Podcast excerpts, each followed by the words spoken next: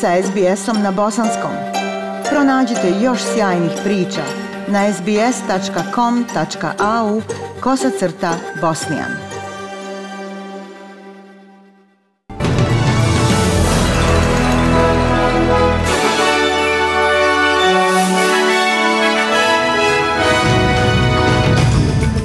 Današnjim vijestima poslušajte. Novi Južni Vels izvještava o 13 smrtnih slučajeva od covid dok stanovnici Viktorije traže put izlaska iz lockdowna. Francuska kaže da je žrtva laži i dvoličnosti u podmorju Australije, a u sportu Lana Pudar, najbolja BH plivačica, nominovana za nagradu najbolji mladi sportista Evrope. Slušajte vijesti SBS radija na bosanskom jeziku. Prema državnom planu okončanja lockdowna u Viktoriji desit će se kada 70% stanovništva od preko 16 godina bude u potpunosti vakcinisano i procjenjuje se da će to biti do 26. oktobra. Učenici će početi vraćati se u učionice od 5. oktobra pod postupnim ponovnim otvaranjem škola. Grad Melbourne i regionalna Viktorija imaće ista ograničenja nošenja maske samo unutra nakon što država u novembru dostigne prekretnicu od 80% dvostruke doze, s ciljem da do 30 posjetilaca bude dopušteno u domaćinstvima do Božića.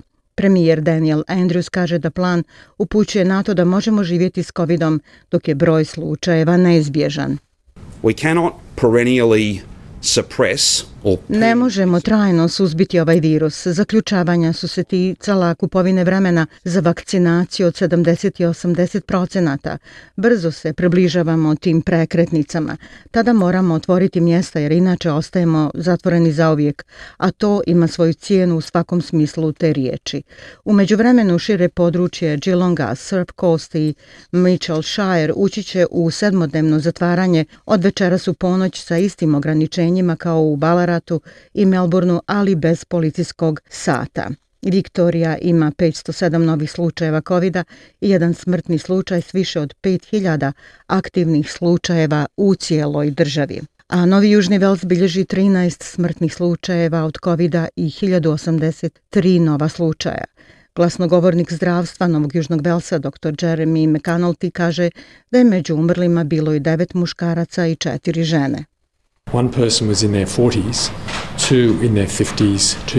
Jedna osoba u 40-im, dvije u 50-im, dvije u 60-im, pet osoba u 70-im i tri osobe u 80-im godinama. Najavljujući ponovno otvaranje javnih bazena na otvorenom u državi do sljedeće sedmice, premijerka Gladys Berejiklian kaže da su, iako je prerano reći da li je broj slučajeva covid dosegao vrhunac, znakovi ohrabrujući. Ne mora dugo proći dok ne dođemo do tih 70% dvostruke doze, pa ne želim da neko spušta gard. Ovo nije vrijeme za uzvraćanje udaraca i gotovo je. Vidimo da reproduktivna stopa opada, neka područja pokazuju pad, ali druga područja i dalje rastu. I za nas je jako važno da se ne opuštamo. Od sutra će se ublažiti ograničenja u područjima koja izazivaju zabrinutost i približit će se onima na širem području grada Sidneja. Francuski ministar vanjskih poslova izjavio da je zemlja u krizi sa Australijom, Sjedinjenim državama zbog otkazivanja naručbe podmornica vrijednih više milijardu dolara. Jean-Yves Ladrian kaže da je Francuska bila žrtva dvoličnosti i laži u odluci Australije da poništi sporazum u korist pakta sa SAD-om i Britanijom o izgradnji osam podmornica na nuklearni pogon. Prema gospodinu Ladrijanu, francuski opoziv svih ambasadora u SAD-u i Australiji bez presedana naglašava ozbiljnost diplomatske krize. Ne možete tako igrati u savezu. Mi smo saveznici, pa i kada imamo saveznike, ne postupamo prema njima tako brutalno, s takvom nepredvidljivošću, sa tako velikim partnerom kao što je Francuska. Premijer Scott Morrison branio od ustajanja od francuskog ugovora vrijednog 90 milijardi dolara, negirajući da je to učinjeno bez upozorenja. Francuski ambasador u Australiji kaže da je još uvijek u dubokom šoku zbog raskinutog ugovora o podmornici. Jean-Pierre Thibault pozvan je u Parizu znak protesta zbog ove odluke. Gospodin Thibault rekao je za SBS na francuskom da je razočaran načinom na koji je partnerstvo između Australije i Francuske riješeno, te kaže da će biti potrebno mnogo da se poprave odnosi između dvije zemlje. I am in deep disbelief U dubokoj sam nevjerici i u dubokom šoku. To je bilo kršenje povjerenja koje nema presedana, ne samo između Francuske i Australije, već bih rekao u normalnim diplomatskim odnosima. Savezna vlada brani svoj postupak negirajući da je Francuska zaslijepila svojom odlukom da poništi ugovor o podmornicama. Ministar financija Simon Birmingham kaže da je francuska vlada bila obavještena prvom prilikom o tom potezu prije nego što je to postalo javno.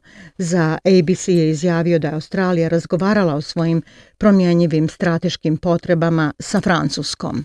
This was always going to be a difficult decision uh, in relation Ovo je uvijek bila teška odluka u odnosu na Francusku. Reakcije koje donose odluke koje su donesene su u stvari francuske vlade.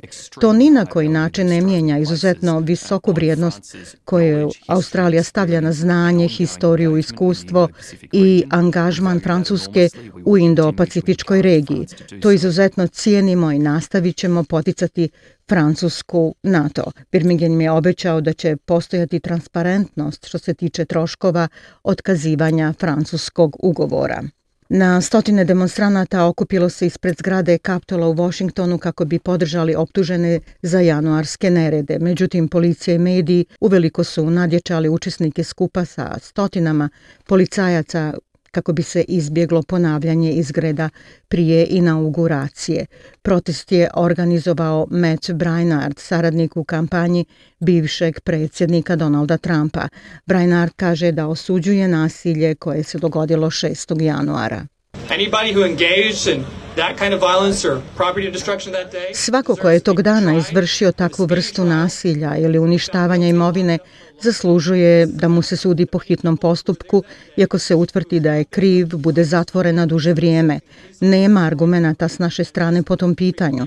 Ovdje se radi o mnogim ljudima koji su bili tamo tog dana, a koji nisu optuženi za nasilje, nisu optuženi za napad na policajca ili uništavanje imovine. Osim nekoliko prepucavanja na početku mitinga nije zabilježen niti jedan veći incident.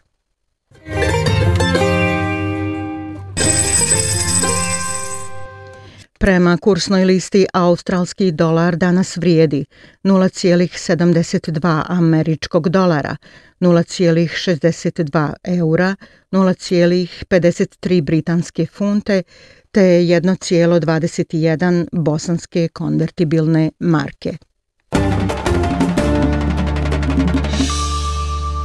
I vijesti sporta, izvršni komitet Olimpijskog komiteta Bosne i Hercegovine nominovao je Lanu Pudar, najbolju bosansko-hercegovačku plivačicu, za nagradu Pjotr Nurovski, najbolji mladi sportista Evrope.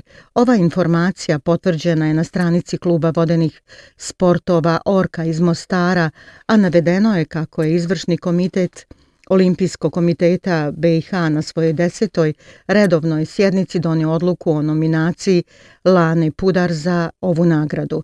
Nagrada Evropskog olimpijskog komiteta Piotr Nurovski za najboljeg evropskog mladog sportistu dodjeljuje se od 2011. godine u znak sjećanja na velikana olimpizma Piotra Nurovskog.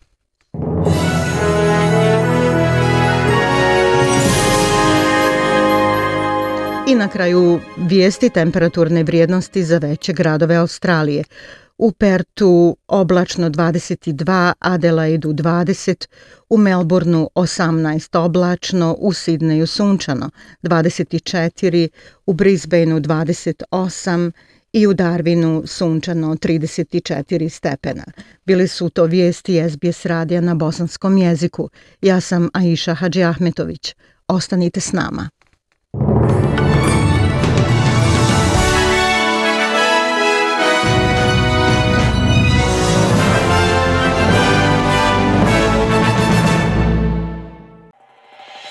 SBS na bosanskom. Podijelite naše priče preko Facebooka. Želite poslušati još ovakvih priča? Slušajte preko Apple podcasta, Google podcasta, Spotify ili kako god da primate svoje podcastove.